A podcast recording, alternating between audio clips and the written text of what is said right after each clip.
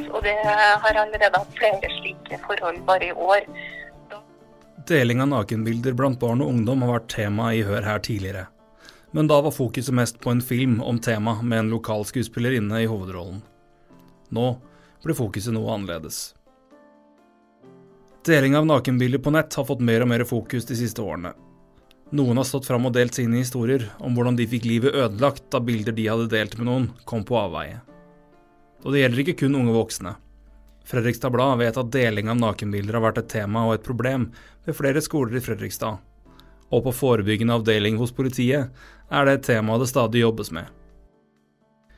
Mitt navn er Torgrim Bakke, og dette er Hør her.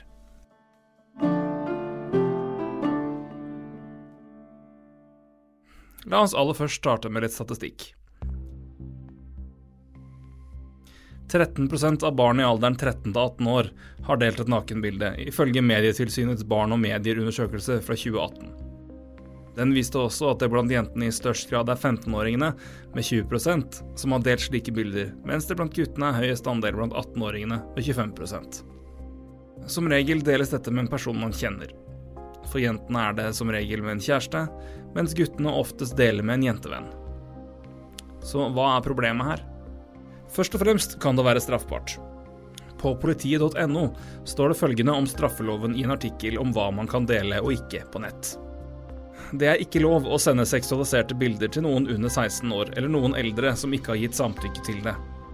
Det er som utgangspunktet straffbart å ta, ha eller dele nakenbilder eller film av noen som er under 18 år. Unntaksvis kan straffen falle bort dersom gutten eller jenta har et nakenbilde av noen som syns det er greit at vedkommende har bildet, f.eks. en kjæreste, gitt at de er omtrent like i alder og utvikling, og den som ble avbildet er mellom 16 og 18 år. Det er uansett forbudt å dele bildet videre. Når slike bilder havner på avveie, kan det føre til store problemer for personen det gjelder. Og det skjer såpass ofte at dette er blitt et problem ved flere skoler, og deling av nakenbilder er et relevant tema å ta opp for lærere. Blant annet ble temaet nylig tatt opp i Utdanningsforbundets podkast Lærerrommet. Eh, en av gjestene der var Mia Landsem. Hun ble kjent gjennom sitt arbeid med å avdekke deler av nakenbilder på avveie. Hun holder også foredrag om temaet. I tillegg til å jakte på personer som har stjålet andres private bilder, har hun også vært en kontaktperson for mange fortvilte unge som har opplevd at deres bilder har kommet på avveie. Og hun har dessverre opplevd at noen av de ungdommene som har tatt kontakt, har valgt å ta sitt eget liv pga. situasjonen. Et av rådene hun kommer med i podkasten, er å oppsøke voksne tillitspersoner dersom man skulle havne i en slik situasjon. Første av mine tips er å snakke med noen, og da spør jeg gjerne når det er yngre som sender meg melding og sier hvem skal jeg prate med, og da sier jeg er det kanskje en lærer du liker spesielt godt? Eller kanskje helsesøster på skolen din er grei? Eh, og da sier de gjerne kanskje kontaktlæreren sin og ja, han eller hun er jo veldig hyggelig å snakke med, og så jeg kan du ikke prøve å snakke med dem? For det er veldig mange som kvier seg for foreldrene sine. Deling av nakenbilder er ikke et fremmedproblem her i Fredrikstad heller. Det har vært situasjoner på flere av skolene i byen, forteller Linda Strømnes, politibetjent i forebyggende avdeling ved politiet i Fredrikstad. Ja, det er et problem vi merker oss, og det har allerede hatt flere slike forhold bare i år da snakker jeg ikke nødvendigvis bare om straffbare saker jeg jobber med, altså straffesaker. Men da snakker jeg også om at jeg har hatt en god del bekymringssamtaler med den ungdommen det gjelder og foreldrene. Enten på en skole eller sammen med ungdomsteam, eller her på politistasjonen. Eh, så ja, det merker jeg meg er et problem. Det har vel vært økende de siste årene. Eh, hvis jeg skulle si hvor ofte, så er det jo av de tre temaene du tar opp, så er det jo både trusler og nakenbilder og falske profiler. Så vil jeg jo si at det nesten er hver måned en eller annen sak vi jobber med. Eh, men som sagt, det trenger ikke være en straffesak. Det kan like godt være en bekymring som vi må på en måte kalle inn til å ha en, det vi kaller en bekymringssamtale rundt. Så for vår del så er jo det noe av det vi har jobba med mest i år. Det er klart det er vanskelig å gå konkret inn her, men eh, eksempler på ting som kan dukke opp der, hva, kan du gi noe sånt for altså, av, av, hva dere eventuelt jobber med? da? Ja, av eh, f.eks. falske profiler, da, så ser vi jo bl.a. hvor vanskelig det er eh, å finne andre ansvarlig for det. Fordi det er veldig enkelt. Det er veldig enkelt å opprette falske profiler. eh, og det er vanskelig å etterforske i det. Eh, så der ønsker vi oss selvsagt en sånn en liten At foreldre er litt klar over det, og at man snakker om det. Og forklarer at det er straffbart å ende opp med å være på nett ja, selv, selv, om man er anonym, så betyr ikke det at, det at, du er fritt frem og kan gjøre hva du vil. Du er like ansvarlig for det, selv om det kanskje ikke er fullt så lett å finne deg igjen. da.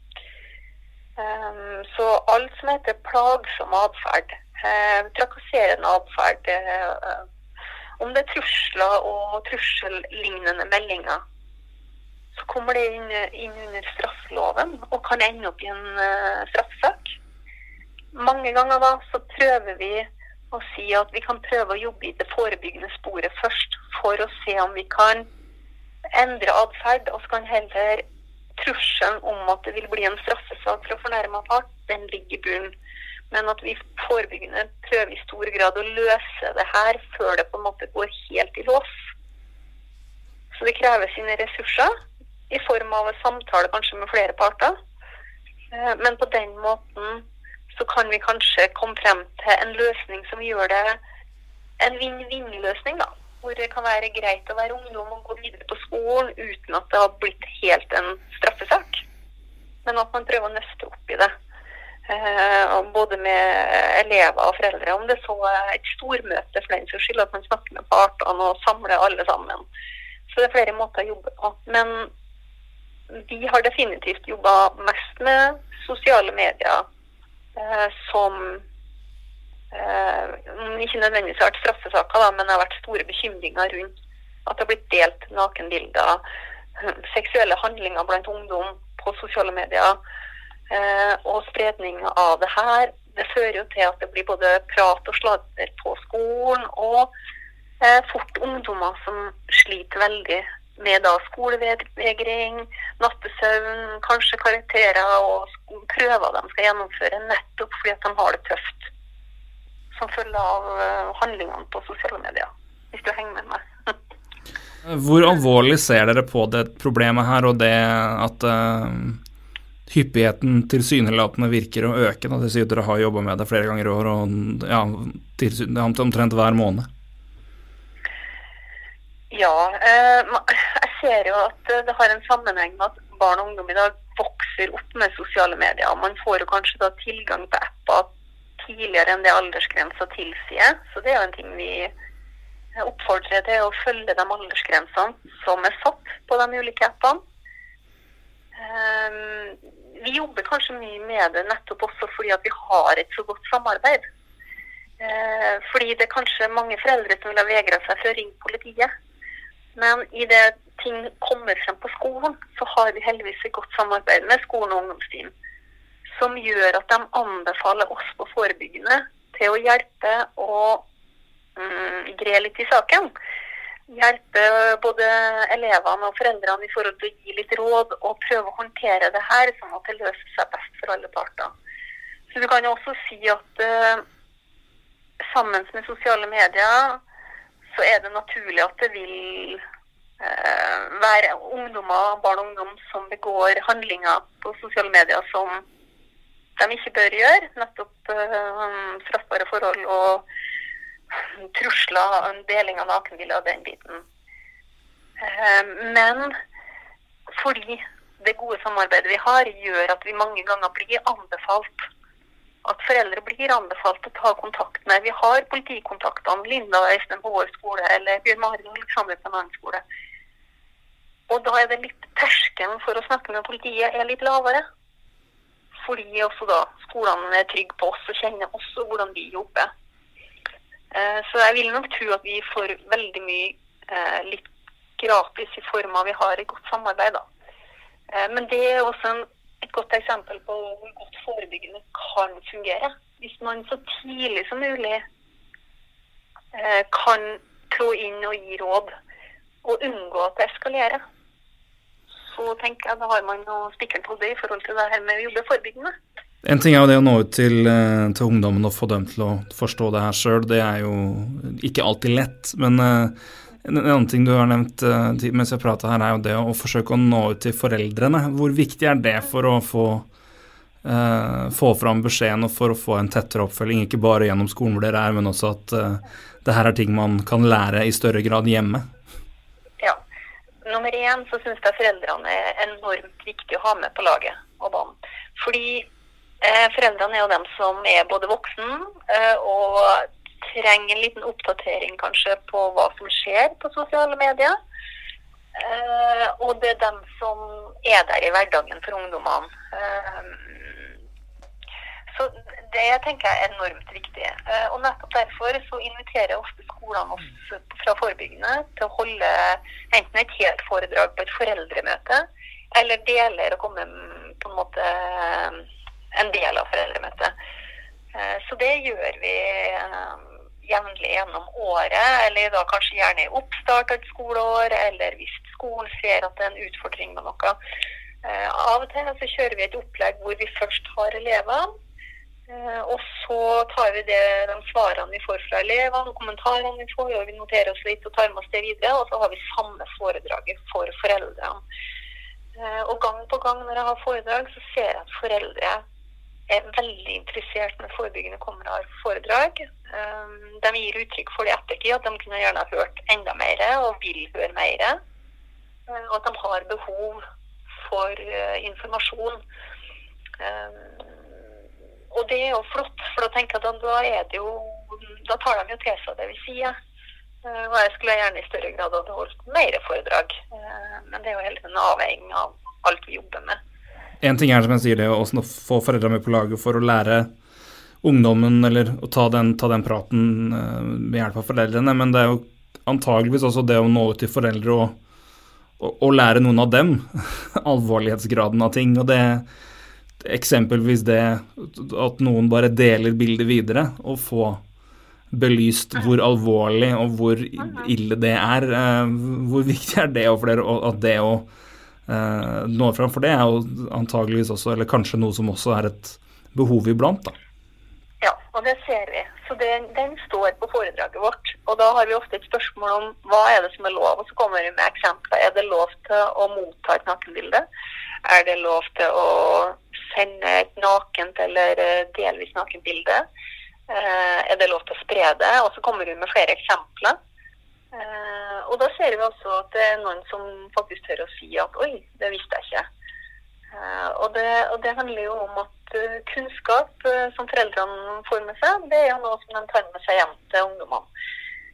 Så det ser vi helt klart er en nødvendighet, og det står som sagt på foredraget vårt. Så det har vi som tema, nettopp det her med deling. Eh, men også fordi at det har vært gjenganger i flere både straffbare forhold eller samtaler i bekymringssamtaler hvor eh, akkurat den biten har eh, vært et tema mange ganger. Helt til slutt, hvor, hvor, prioritert er det for dere som jobber med det her, å, å ta for seg nettopp det med deling, spredning av nakenbilder, men også gjennom sosiale medier i det hele tatt, da, å få den og få uh, gi forståelse for at sjøl om man er distansert, og man på en måte opererer Man opererer jo ikke ansikt til ansikt, men det, konsekvensene og alvorlighetsgraden er fremdeles like stor som det skulle være det. Hvor, hvor prioritert er det for dere uh, i Fredrikstad akkurat nå? Ja, hva skal man si? Uh, det er jo en prioritet i forhold til når vi har forhold som berører det her, eller vi har foredrag om det, så er det en prioritet. Eh, men igjen, man blir jo litt styrt av det som skjer. Eh, og akutte straffbare forhold som skjer, krever jo at vi også jobber med dem. Så arbeidshverdagen vår er jo ikke akkurat forutsigbar. Det tror jeg alle vet. Eh, sånn at det er mange ganger at vi har mye å jobbe med. og man må bare jobbe etter beste evne, rett og slett. Og prioritere etter beste evne hva vi har kapasitet til. Eh, jeg vil jo si at dette er et tema vi virkelig har fokus på. Forsøker å jobbe med. Eh, men, eh, men arbeidshverdagen er jo litt styrt av det som kommer av uh, akutte forhold som vi må ta tak i. Uh, det Jeg vil også, jeg må også få legge til en ting til. og det her med at uh, Når det kommer til sosiale medier, for jeg, jeg føler at jeg har glemt å sagt det litt, men det er at at barn må lære seg litt kanskje da via foreldre, og være litt sånn naturlig skeptisk til hvem de legger til som nettvenner. Ikke bare godta at den kaller seg Ola eller Mina og går i en annen klasse, men tørre å stille de kritiske spørsmålene for å faktisk se om det er stemmer. Eh, fordi vi ser jo at det er ungdommer eller voksne som utgir seg for å være noen helt andre. Og at man litt ukritisk noen gang legger til nettvenner som man ikke aner hvem er. Og over tid så kan det utvikle seg til å bli en alvorlig straffesak. Og som igjen fører til at ungdommer har det tøft, og kanskje blir trua om at hvis du deler, så legger jeg ut det bildet du har delt her. Eh, så det blir, kan bli store alvorlige konsekvenser for ungdommer. Eh, som kan i verste fall eh, berøre dem resten av livet. Sånn at det er et utrolig viktig tema da, å ha fokus på og prioritere. Så det her det ligger jo absolutt hjertet vårt nært. Det gjør det. I denne podkasten er det brukt lyd fra Utdanningsforbundets podkast Lærerrommet. Dersom du vil abonnere på Hør her, kan du gjøre det gjennom Apple Podkast, Spotify eller andre steder du hører på podkast. Du kan også finne oss på Facebook.